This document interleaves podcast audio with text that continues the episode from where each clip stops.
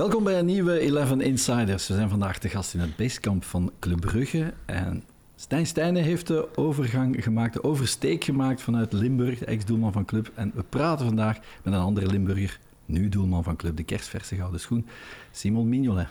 Heren, welkom. Hallo. Simon, eerste training na uh, een dagje vrij, hoe is het geweest?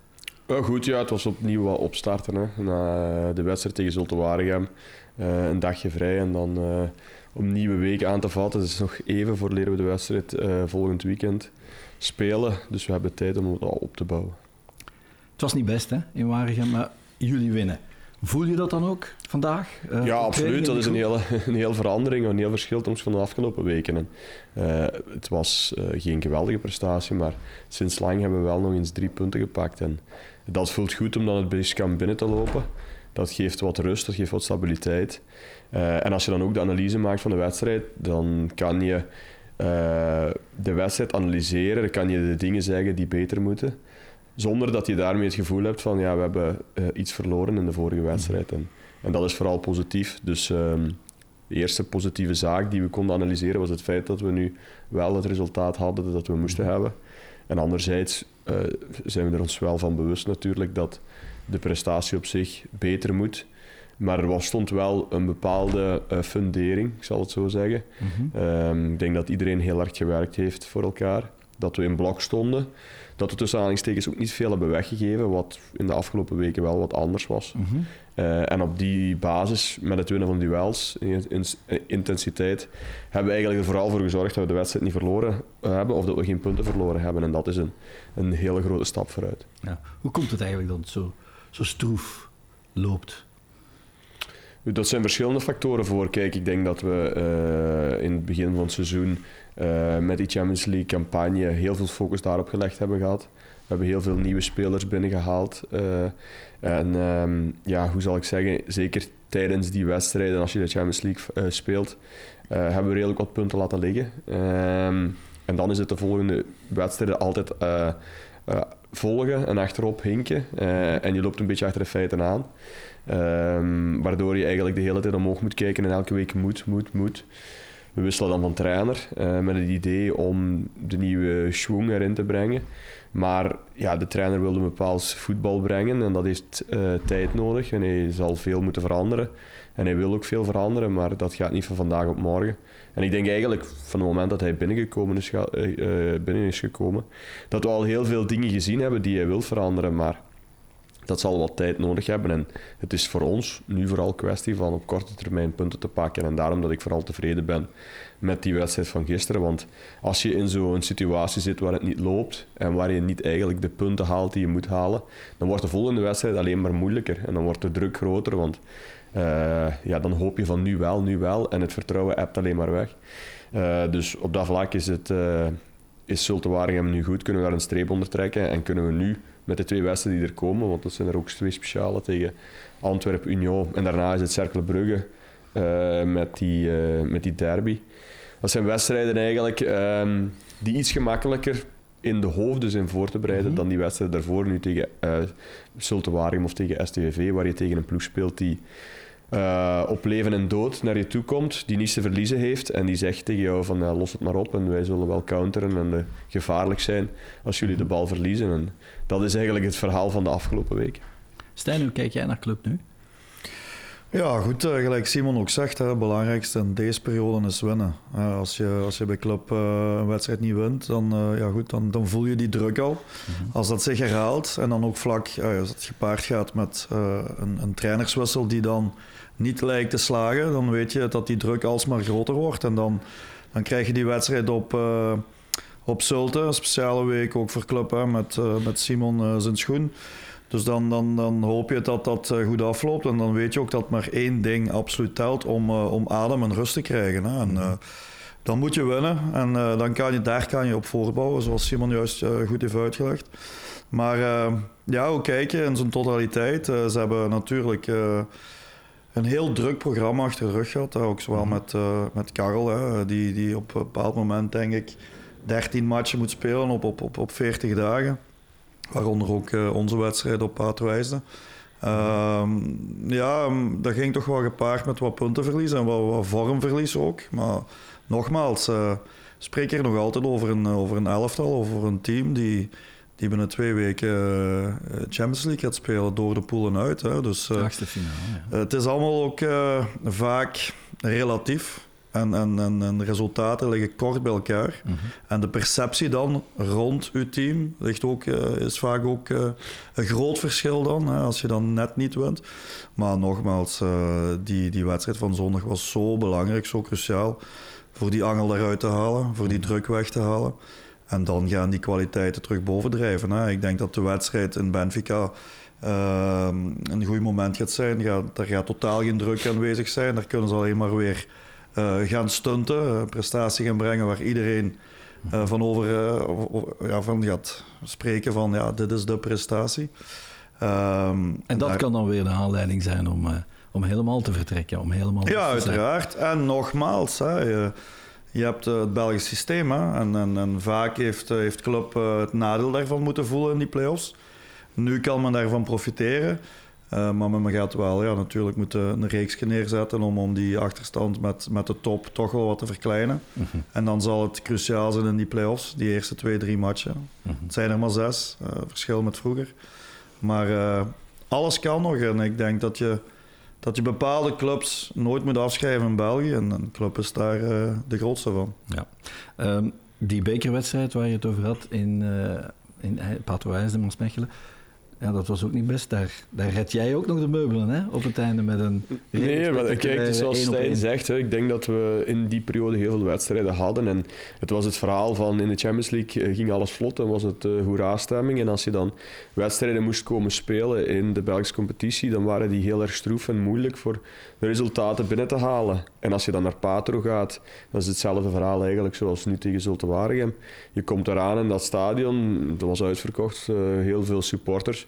Die maken er een feest van. Uh, die jongens die op het veld staan, spelen de wedstrijd van hun leven. Mm -hmm. Die hebben niets te verliezen en die geven alles wat ze kunnen. En dan is dat uh, zeker mentaal gezien niet eenvoudig. We hebben ook Want nog... jullie hebben alles te verliezen dan. Ja, inderdaad. En we hebben dan ook nog een heel erg jonge kern. Heel veel jonge jongens die daarmee moeten omgaan. En die misschien in die situatie voor de eerste keer komen. Niet enkel alleen het feit dat je naar Patro IJzer moet gaan, maar ook het feit dat je daarvoor uh, wedstrijden gespeeld hebt gehad in Atletico, in Leverkusen, in, in Porto, waar je geweldige resultaten haalt, waar iedereen over babbelt en over schrijft. En dan moet je naar Patro gaan en dan kan het heel gemakkelijk in het hoofd gaan van ja, hier zullen we het wel oplossen en hier zal het wel van een leien dakje lopen. Maar zo is dat niet uh, in geen enkele wedstrijd. Zeker niet in België. Ik vergelijk dat ook met het, met Engels voetbal. Die hebt dat nooit gedaan. Die moet in eerste instantie zelf de wedstrijd winnen en zelf verdienen om de mhm. wedstrijd te winnen. En dat was daar niet anders, want zij maken er dan ook een cupwedstrijd van. Zij zetten een goed blok, zij maken een goed plannetje en ze hebben dan twee jongens vooraan die de bal wat kunnen bijhouden, die wat oorlog kunnen maken. Een paar stilstaande fases, lange inworpen. Ja, je weet wat er eh, mhm. op je afkomt. En dan denk ik dat ik op einde een belangrijke bal red, net voor de... Voor 94 e minuut. Uh. ja. Dus ja, dat, dat, dat, zijn de momenten dan waar het van kan afhangen. Ja. Op dit moment zijn er nogal wat waarnemers die veel twijfel zien, vooral bij, bij jullie spelers. Zit er in te veel hoofden twijfel op dit moment? Um, zoals ik net al zei, ik, eh, ik, denk dat het vooral een mentaal uh, gegeven is. Mm. Want um, we hebben enerzijds heel veel nieuwe spelers die zich moeten aanpassen, anderzijds veel jonge spelers in een ploeg en in een groep of in een momentum dat het niet loopt. En het is uh, natuurlijk heel veel, of veel gemakkelijker om nieuwe jongens, jonge jongens, uh, in te werken in een team dat uh, loopt op wieltjes, dat als mhm. een stoomtrein door die competitie heen raast. En dat is de afgelopen jaren wel een aantal keren gebeurd. en men verwacht dat ook van Club Brugge en dat verwachtingspatroon is er ook. Als dat dan niet zo is, dan is het dubbel zo moeilijk voor die gasten om mhm. bij de les te blijven, om opnieuw dezelfde ingesteldheid te tonen voor die volgende wedstrijd. Ehm, en daarom dat het net zo belangrijk is om dan punten te pakken, want dat zorgt ervoor dat ehm, je al die kleine dingen die die jonge jongens moeten leren en verbeteren, dat die gemakkelijker geaccepteerd worden in een moment dat je aan het winnen bent. Als je niet aan het winnen bent, dan uh, wordt dat vaak als een aanval bekeken en dan is dat mhm. ook niet handig voor het vertrouwen naar de volgende wedstrijd. Scott Parker, die komt ons over als een hele keurige, nette, welbespraakte man. Uh, wat voor iemand is hij eigenlijk? Ehm, ja, zoals je zegt, een Enge- echte Engelse gentleman hè, naast het veld. En hij eh, is wel bespraakt. Hij probeert met iedereen te babbelen, is een people manager. Ehm, maar op het veld is hij eh, heel erg streng en is hij kordaat met het elftal. Ik denk dat we dat ook wel nodig hebben, want we hebben duidelijkheid nodig. Mhm. Eh, zeker in, een, in moeilijk water heb je iemand nodig die de lijnen strak uitzet. Ehm, en die ervoor zorgt dat in eerste instantie vooral iedereen weet wat zijn job is. Hij heeft eh, duidelijk gemaakt wat voor voetbal hij wil spelen. Ehm, en hij baseert zich daarop op, op eh, de vier P's van pressing, position, eh, possession. En ja, dat is heel erg belangrijk voor ons. We moeten dat veranderen en leren. Maar ja, dat gaat niet van vandaag op morgen. En op het trainingsveld gaat daar heel veel aandacht naar. En daarom dat ook ehm, die, eh, die pressing eh, en de positions die we invulden in die wedstrijd tegen Zulte Waregem al heel erg goed waren. Want eh, dat was de wedstrijd daarvoor iets minder goed. Stonden we wat meer uit blok. Ehm, en nu was het veel compacter. En dat is ook wat ik zei. We hebben veel minder kansen weggegeven, waardoor we ons een platform gegeven hebben om in ieder geval de wedstrijd te winnen tegen Zulte Waregem. En ja, dan moet nu natuurlijk nog de prestatie Mhm. en het eh, positiespel beter uh, in balbezit. Het voetbal dat is het, het voetballend aan de bal. Eh, dat is nu de volgende eh, fase, de volgende stappen die we beter moeten doen. Hoe ging hij om met eh, de mindere start? Eh, werd hij, want dat, je voelt, hij, hij zoekt, eh, hij wist Absoluut, maar ja, kijk, je speelt op Genk. En ik moet eerlijk zeggen, die wedstrijd is 50-50. Eh, Genk wint die wedstrijd nu, maar uiteindelijk hadden we die ook kunnen winnen. Dan spelen we tegen Anderlecht. En denk ik dat we normaal gezien die wedstrijd altijd winnen. Buiten dat ongelooflijk, ongelooflijk ongelukkig eh, eigen doelpunt dat we Mhm. binnenkrijgen. Ja. En dan zijn er een aantal moeilijke wedstrijden. Die eh, minder van onze kwaliteit zijn. En voor de een of andere reden verlies je op punten of speel je gelijk. Eh, en dan is het wat zoeken inderdaad. En dan is het zoeken naar hem voor de spelers niet enkel alleen tactisch en qua kwaliteit technisch in te schatten, maar ook vooral mentaal. En dat is nieuw voor hem, want ja, je, je kan niet in de hoofden kijken van iemand op het trainingsveld. Eh, en ja, hij beseft nu ook wel dat deze groep gedurende het half jaar of het voorbije half jaar eh, heel wat watertjes heeft doorzwommen en ehm, toch wel wat heeft meegemaakt. En dat leert hij nu ook kennen. En dan weet hij ook bijvoorbeeld, zoals in Zulte Waregem, de laatste 15, 20 minuten, dan is het kwestie van de hoofdjes erbij te houden. En dan moet je vooral kijken naar die jongens die dat kunnen, die eh, die mentaliteit van nat zich nature hebben. En dat is, eh, zoals ik zei, eh, voor ons het belangrijkste naar de komende weken toe. Maar in dat opzicht zijn wedstrijden zoals Antwerpen Union tussen aanhalingstekens net iets makkelijker voor te bereiden, omdat de tegenstander ook moet. Ja. En je automatisch als speler gemakkelijker klaar bent, of je voorbereiding veel gemakkelijker is naar zo'n wedstrijd, om mentaal klaar te zijn. Omdat die wedstrijd veel geladener is dan dat je naar Zulte Waregem gaat tegen een ploeg die niets te verliezen heeft, die een blok zet en die op de counter alles tegen je, Ja. eh, tegen je aansmijt. Hoe is die hele Gouden Schoenweek eh, eigenlijk verlopen voor jou? Ben je moe? Voel je dat wel? Eh, het, was een druk, geweest. het was een drukke week. hè. Ja. komt heel veel op je af. De aanloop naar die week al, qua voorbereiding en zo, maakt, het, maakt het al een beetje stressvol. Dan die avond zelf. Eh, het wordt laat, eh, logischerwijs, vooraleer je terug bent. Eh, en dan de dag erna is heel erg druk. Het was zeven uur s morgens opstaan voor de kinderen naar school te brengen. Gelijkertijd tussendoor wat radio-interviews in de ochtend. Ehm, het laatste nieuws stond al aan mijn deur dan om half tien voor Mhm. een ontbijt. Daarna was het persconferentie en receptie hier op de club om dan te trainen. En dan s'avonds nog wat interviews te doen.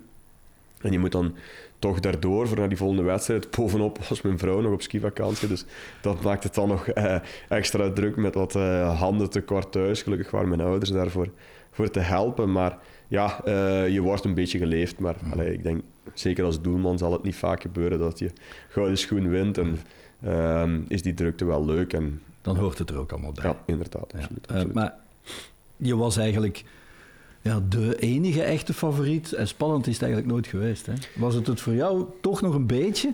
Ehm, ja, absoluut. En ik heb ook tot het laatste moment altijd gezegd gehad dat ik pas zeker zou zijn van de gouden schoen als ik in mijn handen heb. En zeker als je zo de uit- uitgesproken favoriet bent, dan kun je het tussen aanhalingstekens ook alleen maar verliezen. Ja. Eh, en dan zit je daar te wachten eh, op die stoel met het idee van, ja, wat als? Oké, eh, Wat als het fout loopt? Ja, inderdaad, want ja, de- dat kan altijd. En, en niet dat ik met het sce- scenario rekening wou houden, maar je moet dat wel accepteren dat dat nog altijd het scenario B kan zijn.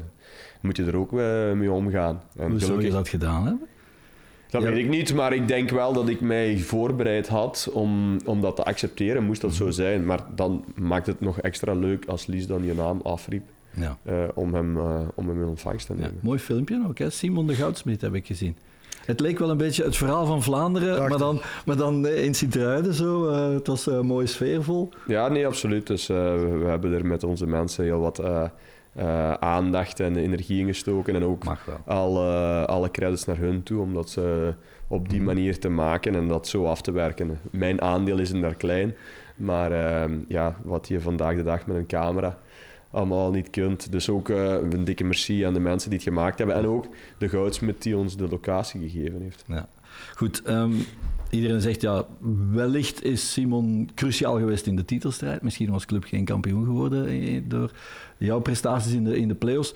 Maar uiteindelijk, die gekke herfstweken, die zullen toch ook vooral blijven hangen zijn. Hè? Eh, De Champions League, als je vijf keer de nul houdt. En die ene avond op 12 oktober, die zal ook altijd in je geheugen gegrift zijn, zeker in Madrid. Ja, absoluut. En ik denk ook dat dat de basis is geweest van eh, het winnen van de Gouden Schoen. Hè. Ik denk dat eh, om als doelman hem te winnen, moet je in de hoofden van de mensen kruipen die moeten stemmen. Op het moment dat ze dat stemformulier krijgen en in moeten invullen. En je hebt dat in de beide periodes Ja, doen. absoluut. En, en op de speciale momenten. En Mhm. ook van die momenten die ervoor gezorgd hebben gehad, die in de hoofden blijven. Mhm. Als je naar die play-offs kijkt, die in redding op de lijn met mijn voet van, eh, tegen Antwerpen. Antwerpen. Dat is zoiets waar iedereen, als ik daarover praat, weet waar ik over heb. Net hetzelfde als die bal die tegen mijn hoofd, of die met mijn hoofd redt tegen Atletico. Mhm. Eh, daarna heb je dan die wedstrijd tegen Anderlecht, waar die bal wel of niet net over de lijn is. Mhm. Dat zijn allemaal van die momenten die ervoor zorgen dat eh, de mens die dat moet invullen er dan denkt. Terwijl voor een spits of een, eh, een middenvelder is het makkelijk om op het einde van de rit te kijken naar ja, hoeveel doelpunten heeft hij nu gemaakt, hoeveel assists heeft hij gegeven, wat zijn zijn statistieken. Bij een doelman kan je dat niet doen, want je kan dan afgaan op het aantal reddingen. Maar ja, iemand die tegen de degradatie strijdt, gaat sowieso veel meer reddingen maken dan iemand die aan de kop speelt. En dan is het ook kwestie van welke reddingen zijn het Mhm. belangrijkste en welke wedstrijden wat heeft het meeste punten opgebracht. En ik heb vooral geluk dat we met club in eerste instantie kampioenschap gespeeld hebben, collectief dan. En daarna met de groep die kwalificatie van de Champions League eh, hebben afgedwongen. Want individueel succes volgt enkel alleen op collectief succes. Mhm. Dus dat is hun, hun ehm, verantwoordelijkheid en hun credits ook. En, en daar ben ik dan, dan dankbaar voor. En gelukkig geniet altijd een individu van het collectief. Dus. En nu was ik dat. Weet je nog hoe- hoeveel reddingen het waren op eh, Madrid? Eh, nee, dat durf ik niet zeggen. Maar het waren er veel in ieder geval. Veer- 14, hè? Het was een record, hè? 14. Stijn, je hebt één wedstrijd gespeeld in de Champions League. Ja, weet je nog tegen wie 1-2 Juventus, ja. ja, goed. eh, dat zijn- verlies, hè? Dag. 1-2 verloren, ja. eerste, eerste match van mij.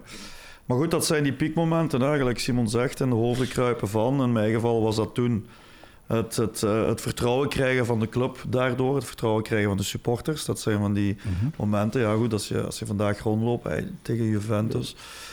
Goed, eh, voor, voor Simon gaat dat nu eh, dit, eh, dit verhaal zijn. Mhm. Dus dat is, dat is exact. Hè. Je, moet, je moet inderdaad in de hoofden kruipen van, van de mensen. eh, met, met unieke prestaties op de juiste momenten. En dat heeft, eh, heeft Simon perfect En gedaan. de, hè. de gunfactor was wel groot, hè? Bij het Ja, als het verschil zo groot is natuurlijk en je, je wordt zoveel keer eh, eh, gekozen, ehm, ja, dat, daar kan je ook alleen maar dankbaar voor zijn natuurlijk. Mhm. Want dat had ik zelf ook nooit niet verwacht. Mhm. Ik had wel verwacht, natuurlijk, al, ik had gehoopt dat ik hem ging winnen, maar Mhm. dat je hem wint met zo'n groot verschil is toch wel uniek. Zeker als doelman maakt het alleen maar mooi. Had je verwacht dat Kevin De Bruyne en niet Thibaut Courtois... best ik had eerlijk gezegd, maar dat is opnieuw een beetje, ehm, eh, hoe zal ik zeggen, chauvinistisch voor het, ehm, Voor het vak. ja, voor het doelman? vaak als doelman. Eh, Ja, maar velen hadden dat toch nu, Stijn? Ja, ik denk als je de. Champions League wint en je schenkt je club de titel in je competitie, Ja, dan... de manier waarop. Die heeft ja, eigenlijk gedaan in, in halve finale, kwartfinale en finale. Wat jij Absoluut. in, die, in zo'n periode ja, het, het, eh, het, ehm, hoe zal ik zeggen, het toonbeeld was die finale. Ja. Met zijn reddingen die ongelooflijk waren. Dus ja, dat wil ik dan ook zeggen. Dat is hetgeen wat mij mee, eh, bijblijft van, Mhm. die, van die finale. En daarom denk ik ook ja, dat hij dan de terechte eh, winnaar is. Tussen aanhalingstekens, Kevin, Kevin is een ongelofelijke geweldige shotter, tuurlijk. ongelofelijke shotter die dat ook evenzeer verdient. Ja, maar ik denk nu, dit jaar, al, al- was Thibaut waarschijnlijk degene die het Ik eh, hoor had dat kunnen hij eerst geweigerd had om eh, de prijs te aanvaarden, Kevin. eh. Oh, dat weet ik niet. Ja, maar allee, je, moet, je moet correct blijven. Hè. Als, Ja. als, je, als je Champions League wint, eh, als je zo belangrijk bent op dat moment, Hmm. dan moet je in eigen land ook die erkenning krijgen hè, daarvoor. Iedereen eh, is het daar toch over eens. Dus was daar fout gegaan? Eh, waarom? Weigert hij af en toe interviews? Ik weet het niet, dat is ook een speciaal ik denk dat het ook gewoon te maken heeft met het feit dat het een doelman is. Ja, ook al. Jullie zijn een, achter, een achtergesteld beroep, moet ik zeggen dan misschien. Hè? Ja. Goed, hoe is jouw relatie in het algemeen met Thibaut? Goed, heel goed zelfs. Ja. Ja.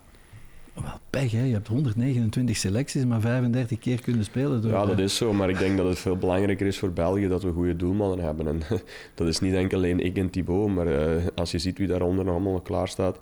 Koen, Maats, Maarten ondertussen, die komt opzetten. mhm. Ja, ik denk dat we daar met, met, met het Belgische elftal en met het land België heel erg tevreden mogen zijn. Want in, de, in onze buurlanden is dat wat anders. Ja.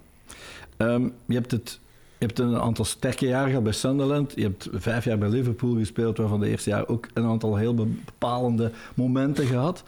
Maar voel je toch dat 2022 jouw beste jaar was uiteindelijk? Het zal vooral mijn stabielste jaar zijn met, eh, wat ik juist al zei, momenten die heel erg belangrijk waren en die er tussenuit sprongen. En, eh, ja, ik won vier keer op rij doelman van het jaar hier in België. Dat is op zich voor mij al een heel erg leuke prijs, vooral omdat het toonbeeld is van stabiliteit. En dat is als doelman toch nog altijd heel erg belangrijk, Mhm. ehm, om constant te zijn. Maar ja, als je dan de gouden schoen daar bovenop wilt, betekent dat 2022 een eh, uniek jaar was met eh, uitschieters en ja, wat we juist al gezegd hebben. En Is het iets wat in je achterhoofd zat toen je, naar, eh, toen je voor Club Brugge tekende?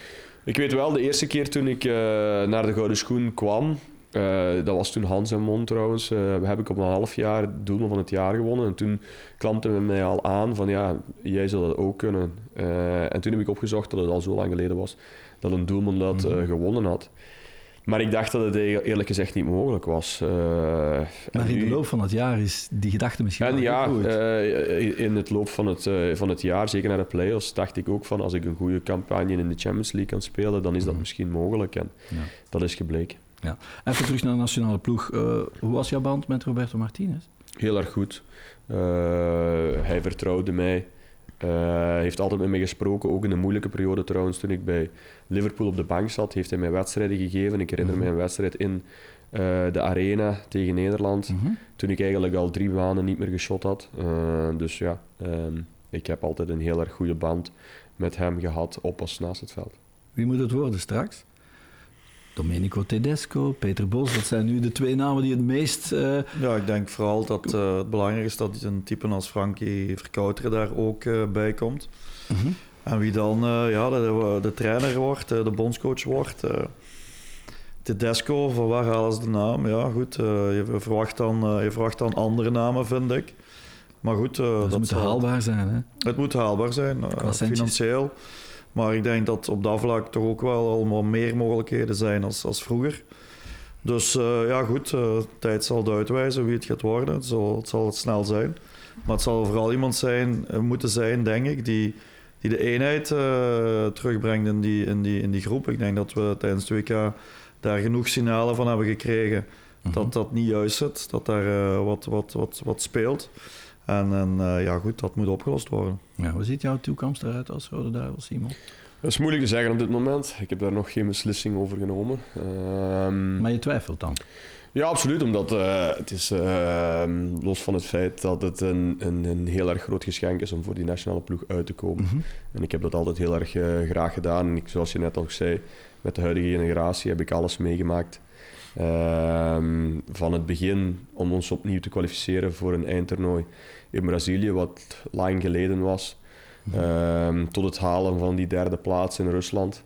Eh, het zijn heel erg mooie tijden en het is eigenlijk een heel erg leuke groep en generatie om mee samen te komen. Maar ja, het weegt natuurlijk ook wel op mijn carrière. En ik heb ehm, mijn eh, twee vingers gebroken, zowel in Rus... Nee, wacht, moet ik goed zeggen. Wat ik zei, in eh, Brazilië als in Rusland. En dan nu met het EK ben ik ook nog eens door mijn knie gegaan. Dus ja, los van het feit dat je niet speelt, is het wel een extra eh, belasting op Mhm. eh, het voetbal dat je wil spelen. En Ik word er in maart 35. Ik heb hier een contract lopen met Club Brugge tot 2026, wat ik in eerste instantie sowieso wil uitdoen. En daarna wil ik ook nog verder.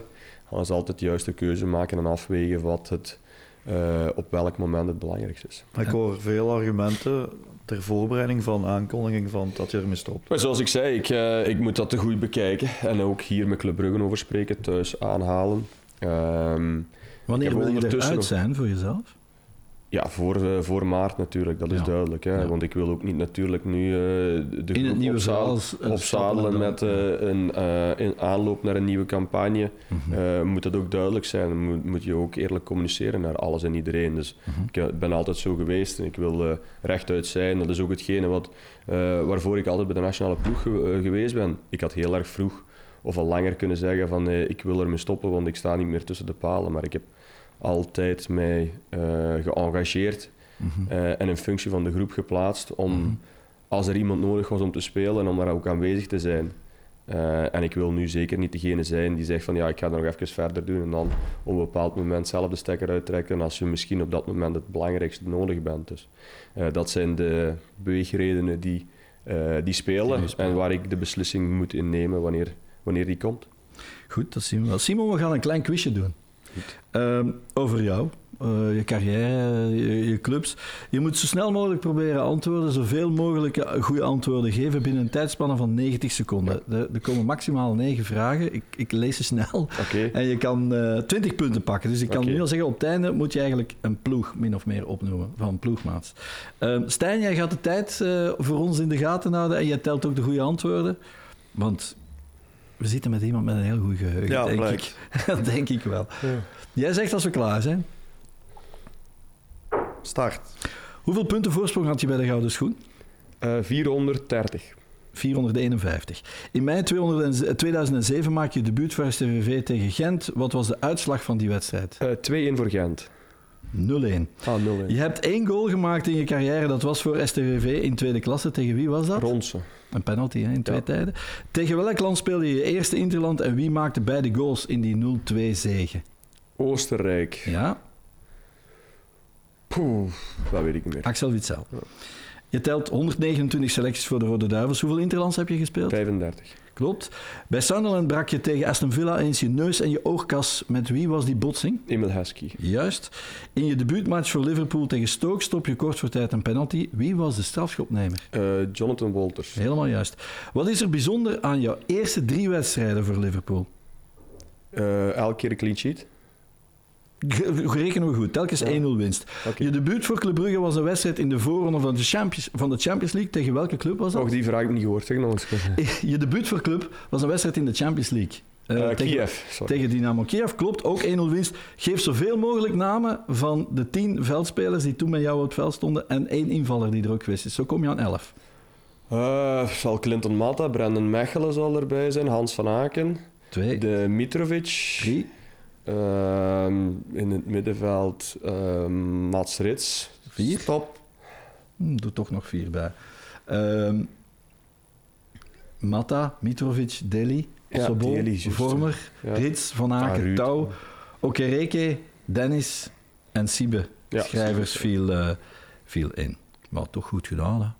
Ik kwam aan negen goede antwoorden. Kan dat? Met, met die vier, uh, met die vier die, erbij. Die vier erbij? Ja. Mm -hmm.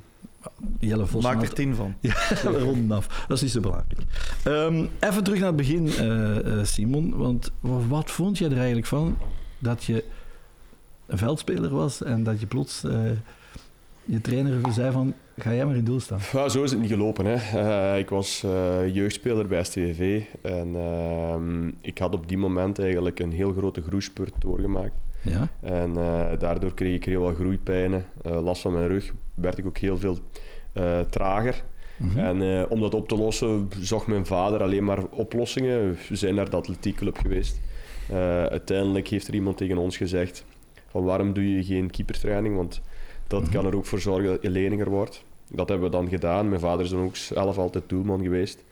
En ik heb dat twee, drie jaar gedaan toen ik nog veldspeler was bij STWV. Maar ik merkte heel erg hard... Al keeperstraining dus. Ja, juist. Dat ik daar heel veel progressiemarge in had. Dat ik daar talent voor had.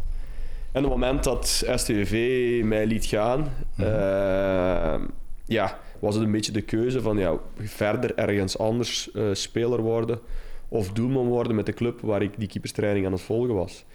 Uh, ik heb dan nog een test gedaan met KVK Tine, die ah, mij wou pakken als, als veldspeler, maar er was geen plaats, want de, de, de, de, de groep was al gemaakt voor het volgende jaar. Hoe oud was toen, Simon, op dat moment? 14 jaar. Onwaarschijnlijk. en toen heb ik een keuze gemaakt om, om doelman te worden. Dan heb ik één jaar met Sporting Aals, lokaal ploegje, in tweede provinciale gespeeld. En na negen maanden kwam de scout van STV me terughalen om mij, om mij terug in het doel te zetten met de groep waar ik nog geen jaar ervoor bedankt was.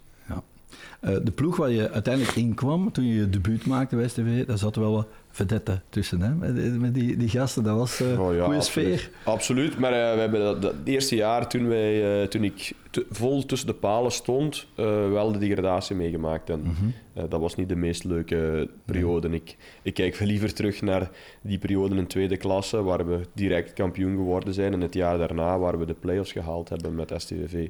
Dat was een heel erg mooie tijd. En dat dat is een plezier om die jongens nog altijd terug te zien. De perceptie in Sint-Truiden na dat jaar dat ze gedegradeerd waren, zeiden ze van met Simon kampioen spelen, het gaat nooit lukken. Hè? En als je dan ziet, uh, wel, eh, dat, dat, was er wel heel veel twijfels rond. En hij heeft dan toen toch wel een heel goed jaar gehad. En toen was dat toen nog tweede klasse. Ja, dat, was Ex-League. ja. Dus, uh, en zo is hij vertrokken. Hè. Ja. Uh, ik moest jou van Frank Boeks vragen, want die, zat toen, die was een van de drie keepers. Hè. Met Bart Deelkes, denk ik? Uh, ik ben begonnen samen met Frank en Dusan Belic. Dan is Bart gekomen samen met Frank. Uh, en dan, ja, uh, Frank is dan daarna vertrokken. Ja, ik moest van Frank vragen naar de koekoek in de groepsgesprek. Hoe zat dat, dat was met, wacht, ik moet met Valère Bille? Met Valère Bille, de coach. Tien en ook, hè? En, uh, ja, dat is zo'n spreekwoord wat we in Sint-Truiden vaak gebruiken. Hè. Als je op een ei blijft zitten en, en, en uh, Valère Bille vroeg dat in de kleedkamer. Uh, ja, als er iemand met een ei zit, dan moeten we dat zeggen. En ik zei dat heel, helemaal voor te lachen, voor de sfeer wat te breken. Want op dat moment was het echt heel erg bedrukt. Ik zeg, mm dat moet niemand niet doen, want dat is geen koekoek. En ja, dat is zo'n een uitspraak die we in Sint-Truiden gebruiken. ja. En uh, ja, dat kwam er sneller uit dan verwacht. En ja, uh, dat vonden ze natuurlijk geweldig. Ja.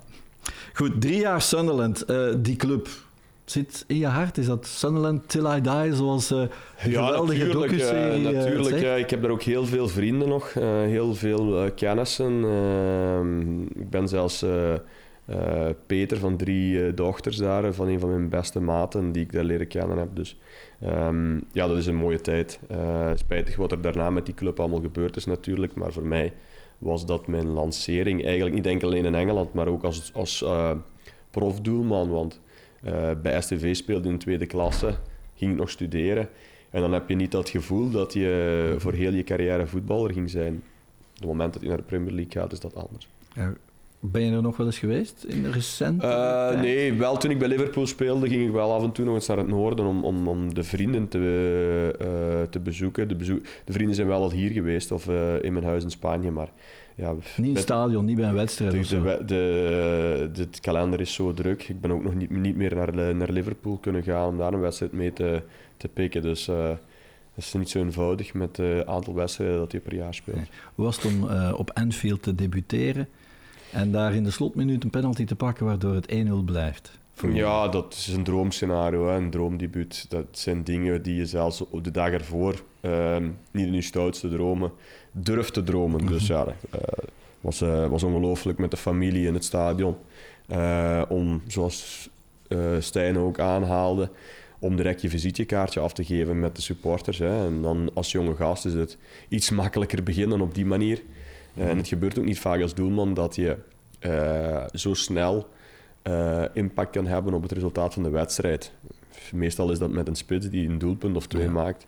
Maar bij een doelman moet je dan wel wachten ofwel op een unieke prestatie of zoals dat met een penaltyredding. Ja, penalty pakken, uh, penalty stoppen. Uh, dat wordt ook een vak apart tegenwoordig, want ja, alles kan geanalyseerd worden. In welke mate moet een keeper tegenwoordig alles gezien hebben van tegenstanders als die 11 meter van hen staan? Je kan een bepaald patroon zoeken, maar je, je kan er ook te ver in gaan. Uh, de psychologie van de penaltynemer kan ook helemaal veranderen natuurlijk. Ja, want ook de penaltynemer weet dat de keeper alle beelden heeft gezien, dus gaat hij ook anders beginnen denken. Dus ik denk dat je vooral uh, op het juiste moment de goede hoek moet kiezen. En uh, hij moet dan niet perfect getrapt zijn.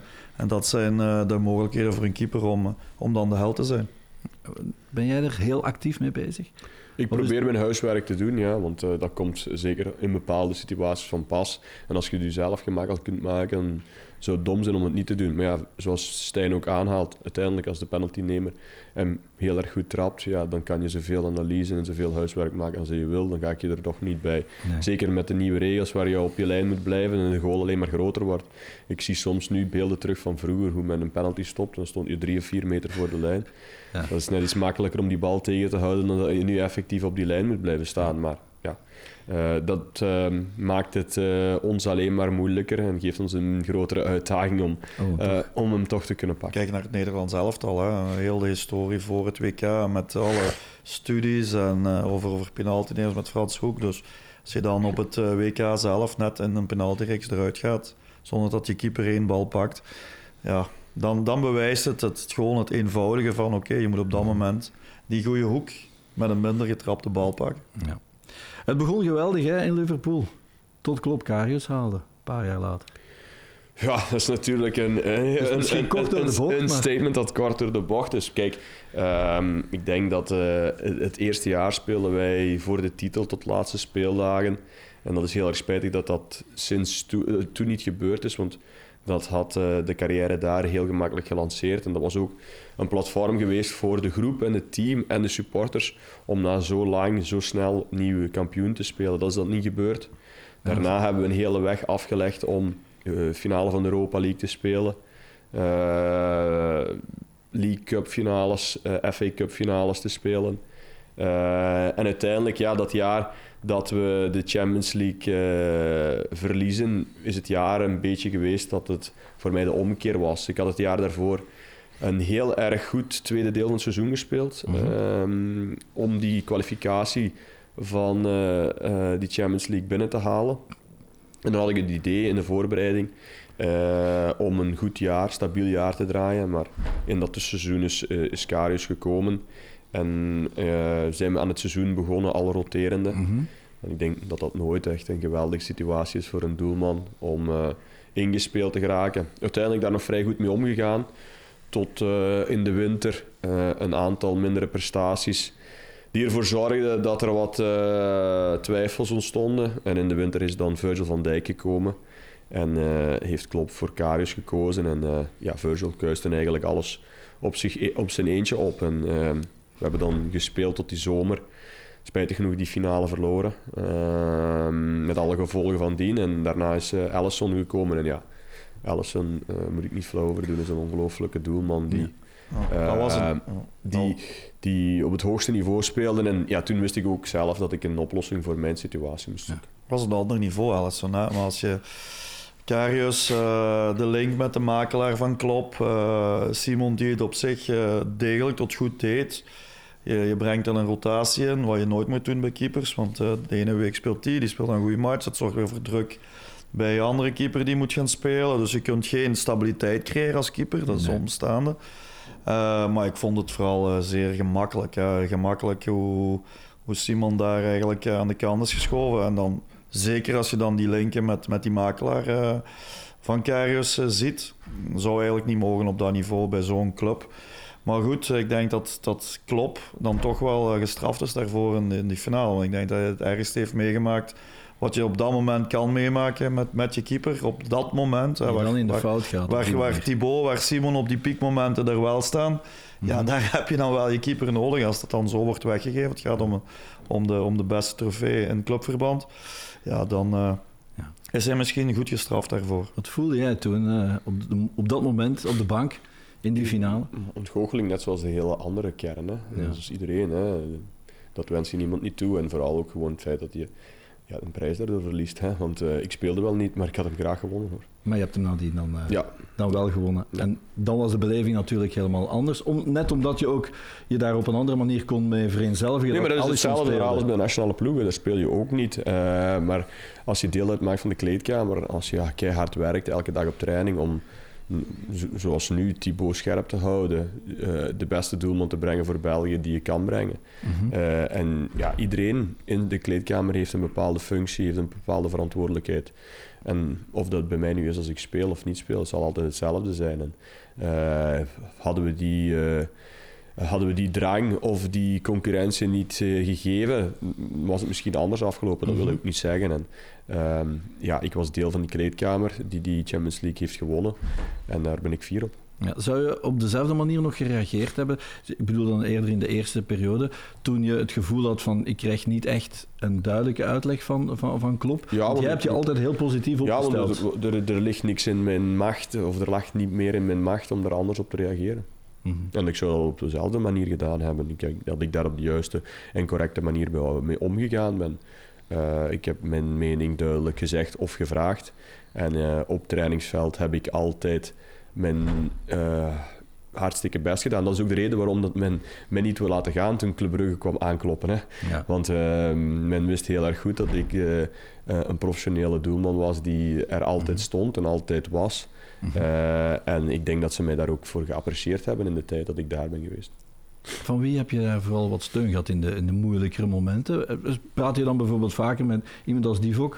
Divok Origi die, die- die er zat? Of maar ik denk dat je zeker als je op de hoogste niveau bent, vooral gewoon zelf een ijzersterke kop moet hebben. En je, je, begrijpt en beseft gewoon dat een carrière met ups en downs gaan. En eh, eh, ja, je moet soms die minder, minder momenten eh, krijgen om de goede momenten te weten te appreciëren. En, eh, ik heb toen de beslissing genomen om terug voetballer te worden.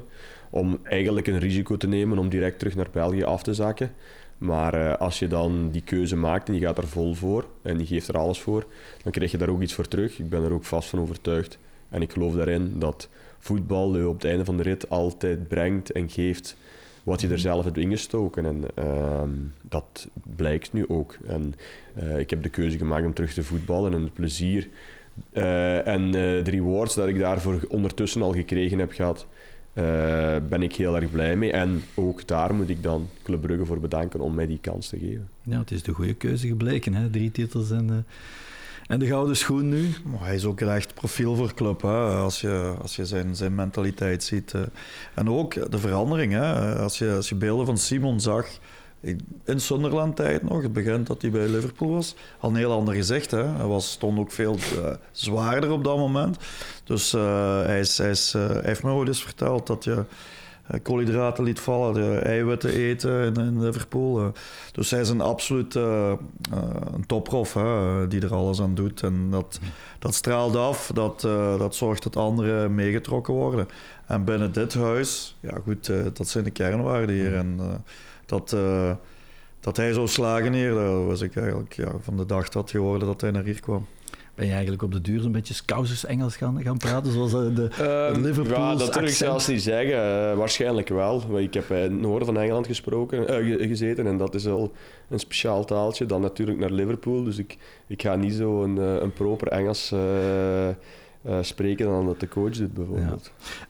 Je hebt een, een finale met Liverpool verloren van op de bank, eentje gewonnen. En dan heb je er drie gespeeld ook intussen. League Cup, die Europa League finale met Club Brugge, de beker. Je moet eens een finale winnen, hè, eh, Simon? Nee, dat klopt. Is dat En, eh, dat is hetgeen-? Dat is hetgeen wat nog op de hoogste eh, eh, punt op de agenda staat, absoluut. Dus eh, ik denk dat we... eh, want ja, die, die finale die we hier bij Club Brugge gespeeld hebben gehad, was eh, in tijden van corona. Er zat niemand in het Jan, Nee. Eh, Jan Breil, in het eh Koning Boudewijn stadion. Dus het zou heel erg mooi zijn om af te zakken met, eh, met de hele achterban eh, en in een vol stadion die beker omhoog te kunnen steken. Wat speciaal is hè, bij club, hè, die bekerfinales, eh Ja. traditie rond. Absoluut. Je hebt er wel meegemaakt. Je hebt er Ja. een paar, drie gewonnen? Klopt Eh, Vier vier gewonnen, twee op de bank, één eh, in de basis tegen Standaard, tegen het goede Standaard toen. 1-0 gewonnen. Dus ja, dat zijn momenten, ja, goed, die, die blijven je bij. Hè, en die, die, daar, daar leven de sporters ook van hier. Hè. Ja. Simon, het gaat snel, de jaren gaan snel. Hè? Je hebt het zelf gezegd, je wordt 35. Ehm, Word jij gewoon nog beter, vind je? eh, jaar? Maar ik denk dat dat in de positie gebonden ook is. Dat dat ook waarschijnlijk de enige voordeel aan de positie is Ja, die wij nog intreden. altijd dus. En jij kan ook nog beter worden. Ja, ja, absoluut. Ik leer elke dag nog bij. Eh, Mhm. En eh, je wordt enkel alleen maar sterker. En je speelt vooral efficiënter hoe ouder dat je wordt. Want doelman eh, of de positie van ons hangt vooral af van ehm, hoe je je positie inneemt in een bepaalde wedstrijd. Hangt veel af van vertrouwen, mentale stabiliteit. En ja, dat groeit alleen maar als je ouder wordt. En ik bevind mij nu meer en meer in situaties die mij niet vreemd zijn, in, eh, waarin misschien in het begin van de carrière wel eh, de eerste keer voorkwamen. En dan is de kans op een fout of op een verkeerde positie veel groter dan dat je ouder wordt. En ja, dan moet je dan koppelen en dan zorgen dat je fysisch fit blijft. En eh houd vasthouden dat dat zo blijft. En, je, hebt geen, je hebt geen al te zware blessures uiteindelijk. Nee, en ik, eh, ik- wedstrijden gemist. Voilà, ik heb blessures. doorheen mijn carrière nog maar heel weinig geblesseerd ge- geweest. Ehm, vaak door enkele contacten, zoals mijn oogkas en neuskas, eh, neusbreuk of mijn knie. Het heeft niets te maken met mijn spieren of mijn Nee. gestel. En, en laten we hopen dat dat zo blijft. Ik denk ook een pluim voor Simon, hè, want hij heeft daar voor de play-offs even minder periode gehad. Maar omdat hij niet 100% fit was, maar toch op dat veld is blijven staan. Dus dat toont eh, daar ook zijn, zijn, zijn mentaliteit en karakter. Maar ik denk voor, eh, voor hem eh, fitheid, hè, de ervaring die groeit, die, die heeft hij mee. Die kan hij overbrengen. Maar eens je die, die 30 ingaat, die 35 nadert, dan eh, ja, kan het volgend jaar anders zijn. Dus eh, fitheid behouden en dan... eh, Maar een atleet Kan, hè? hij kan tot zijn 40. ja, en, en ook, hij is iemand die er echt dag, dagelijks mee bezig is, de juiste voeding eh, neemt. Dus op dat vlak doet hij, doet hij er alles aan om, om misschien zelfs tot die 40 door te gaan. Hè. Graag, maar eh, ik denk dat dat buiten mijn controle zal liggen. Want ik heb het nogal gezegd. De enige reden wat mij zou doen stoppen voor dat, of tot als het niet meer kan, is mijn lichaam. En Ja. Daar heb ik weinig controle over hoe dat evolueert. Ik kan alleen maar eh, er zoveel mogelijk naar kijken en mijn best voor doen. Ik denk dat ik daar zeker eh, genoeg voor doe. Maar je weet hoe het is in het voetbal. Hè. Een verkeerd contact, eh, verkeerd neerkomen of een charge, zoals ik bijvoorbeeld toen met Emil Heskey had voor, voor had, kan, kan alles doen draaien. En eh, daar, moet je, ja, daar kan je weinig aan doen. Danny Verlinde was bijna 41 toen hij stopte. Kijk, bij Club Brugge dus ook eh, geen probleem. Ehm, 38 ben je als je eh, hier einde contract bent. Je wil graag nog lang bij Club Brugge blijven. Eh, is het dan daarna nog club? Of misschien toch nog eens ergens een, graag. een Kijk, stap? Kijk, ik ben hier heel erg eh, graag. Ik eh, denk dat het huwelijk Club Brugge Simon Mignolet tot nu toe een geslaagd huwelijk is. En ehm, moeten ze hier niet op mij uitgekeken zijn? Ja, waarom niet? Ehm, maar in het voetbal, voetbal heeft me geleerd om niet te veel Mhm. over de schouder te kijken, maar ook niet te ver in de toekomst. Want voetbal kan heel erg snel draaien en keren. En het is vooral wat. Het enige wat telt is wat de volgende wedstrijd is en wat je de vorige wedstrijd gedaan hebt. En dat zal altijd zo zijn. Maar je kinderen zijn dan wat groter. Napoli is al een paar keer eh, eigenlijk langsgekomen bij jou. En dat is eigenlijk een club die wel geregeld is een oudere keeper pakt. Pepe Reina is daar ook nog naartoe gegaan. Die speelt nu nog trouwens op zijn 40 bij Villarreal. Misschien nog iets zo voor het eind? Ja, maar het grote verschil bij mij natuurlijk is dat ik het buitenland al meegemaakt heb. Hè. En ik Ja. weet wat het is. Ehm, en Het ik denk moet dat niet zo nodig dus. Nee, maar ik denk als je hier ook de omgeving ziet en je ziet installaties en het feit dat nu misschien ook, ons hopen, het nieuwe stadion eraan komt, dan, eh, Ooit moet het er eh, toch eens komen. dan eh, denk ik dat er geen betere plaats is om te voetballen en te wonen en te leven en ook voor mijn kinderen om naar school te gaan. Dus op dat vlak ben ik hier heel erg gelukkig. Ja, de zaken met je broer nog wat uitbreiden anders? ook nog tegen het einde van je carrière? Die gaan Ja. goed, hè? Die gaan goed. En eh, mijn broer heeft op dit moment handen tekort. Eh, we hebben uiteindelijk maar twee broers. En we zijn maar twee broers. En hij had er misschien liever nog eentje of een zus bij gehad eh, om het werk waar hij in zwemt Mhm. opgelost te krijgen. Maar ja, eh, ik denk dat hij ook liever heeft dat hoe lang ik kan voetballen, hoe beter het voor de zaak is. Dus eh, eh, we zullen daarna dan wel zien hoe we dat, eh, hoe we dat oplossen. Van een koffiebar is het intussen wel wat meer geworden natuurlijk. Absoluut, ja. En ik denk dat dat eh, ook eh, een beetje aan het voetbal gelinkt is. Want eh, een koffiebar sluit tussen aanhalingstekens op vijf uur. Maar hier in België wordt er vaak later gevoetbald. Ja. En als je dat er kan, kan aan koppelen... En de supporters en de achterban die we hebben in Sint-Truiden... die graag naar de wedstrijden komen kijken... en die graag een, een, een babbeltje komen slaan met mijn broer... Ja, zorgt er ook voor dat we de beslissing hebben genomen om niet enkel alleen koffie te schenken, maar eigenlijk gewoon een, een bar eh, ervan te maken doorheen de hele dag. En, eh, dat, Waar je eh, eens lekker kan eten ook. absoluut. Ja. En op de Markt in Sint-Truiden zijn ze ook overtuigd dat hij de nieuwe burgemeester ooit gaat worden. Eh, daar heeft hij ook alle kwaliteiten voor. Ja, je hebt het diploma politieke wetenschappen, Klopt, hè? universitair diploma. Ja, maar ja, je, je vergeet natuurlijk dat je altijd eerst nog eh, verkozen, moet worden. Ja, maar, en dan moet je opkomen. Dus allee, eh, we zullen wel zien wat het is. Ik, ah, maar je zegt niet nee. Nou, ik moet eerlijk zeggen, ehm, ik zit nu 15 à 20 jaar in het voetbal. Mijn vrouw is ook al heel haar leven geleefd geweest door het voetbal. En je bent daar, ehm, hoe zal ik zeggen, gelinkt aan een, aan een bepaalde kalender. Mhm. Eh, het liefst van al na mijn carrière zou ik vooral mijn eigen baas zijn en wil ik vooral mijn eigen agenda Ja. eh, kunnen plaatsen, zodat we tenminste eens iets kunnen plannen. Want ja, dat kan niet als voetballer en ik vrees ook als je zo'n functie moet inkleden, dat je dan ook geleefd Ja. wordt en dat je dan ook op eh, alles en, en nog wat eh, aanwezig moet zijn. Ja, niet meer zomaar je, je tijd zelf kan, kan kiezen. Klopt. Moeten wij eens die, die gouden chocolademelk gaan, gaan proeven, Stijn en ik, op, in, bij 22 Coffee? Graag.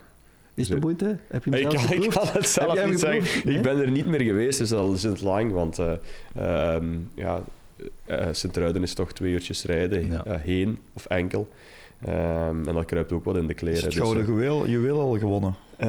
Nog niet, nog niet. En ik ben uitgenodigd de 11e of de 12e februari, een zaterdag, om gehuldigd te worden op de stad. Dus dat zal waarschijnlijk de eerste keer zijn dat ik sinds lang nog eens in Truiden ben. En daar kijk ik naar uit om ook eh, nog eens aanwezig te zijn en vooral de achterban daar te bedanken, want zij zorgen ook voor die steun. In Ja. de minder goede momenten, dus dan verdienen zij ook dat eh, als ik iets win, om daar iets voor terug te krijgen. Benfica, 15 fe- eh, februari. Dat is twee weken nog. Ja. Tegen dan? Oh, oh, laat ons hopen. hè. Ik denk dat eh, de rode loper is uitgerold voor ons met die wedstrijden tegen Antwerpen en Union. En voetbal kan heel erg snel draaien, dat is hetgeen wat ik zei. Als je daar twee goede resultaten, als natuurlijk, kan neerzetten, dan denk ik dat het er helemaal anders uitziet. En dan kan je met, zo, zoals Stijn ook aan, aangeeft, met die Champions League campagne die we afgedwongen hebben. Het is in eerste instantie al een, een geweldige prestatie dat we daar nog die Mhm. wedstrijden mogen spelen. En laat ons hopen dat misschien eh, Enzo Fernandes eh, vanavond nog verkocht geraakt aan Chelsea. Dan weet je ook niet wat er nog gaat gebeuren. Dus we, we weten dat allemaal niet. Dat is een nieuwe wedstrijd die gespeeld moet worden en waar we zeker naar uitkijken. En niet kansloos zijn in dit stadium. eh. Nee, dat is waar. Dat klopt. Goed, dan zijn we door onze tijd. Simon, heel hartelijk dank. En veel succes eh, de komende weken in al die wedstrijden. Eh, meneer de Gouden Schoen, geniet er maar van. Dankjewel eh Stijn ook. En u ook dank. Kijkers en luisteraars, eh, graag tot een volgende 11 Insidersdag.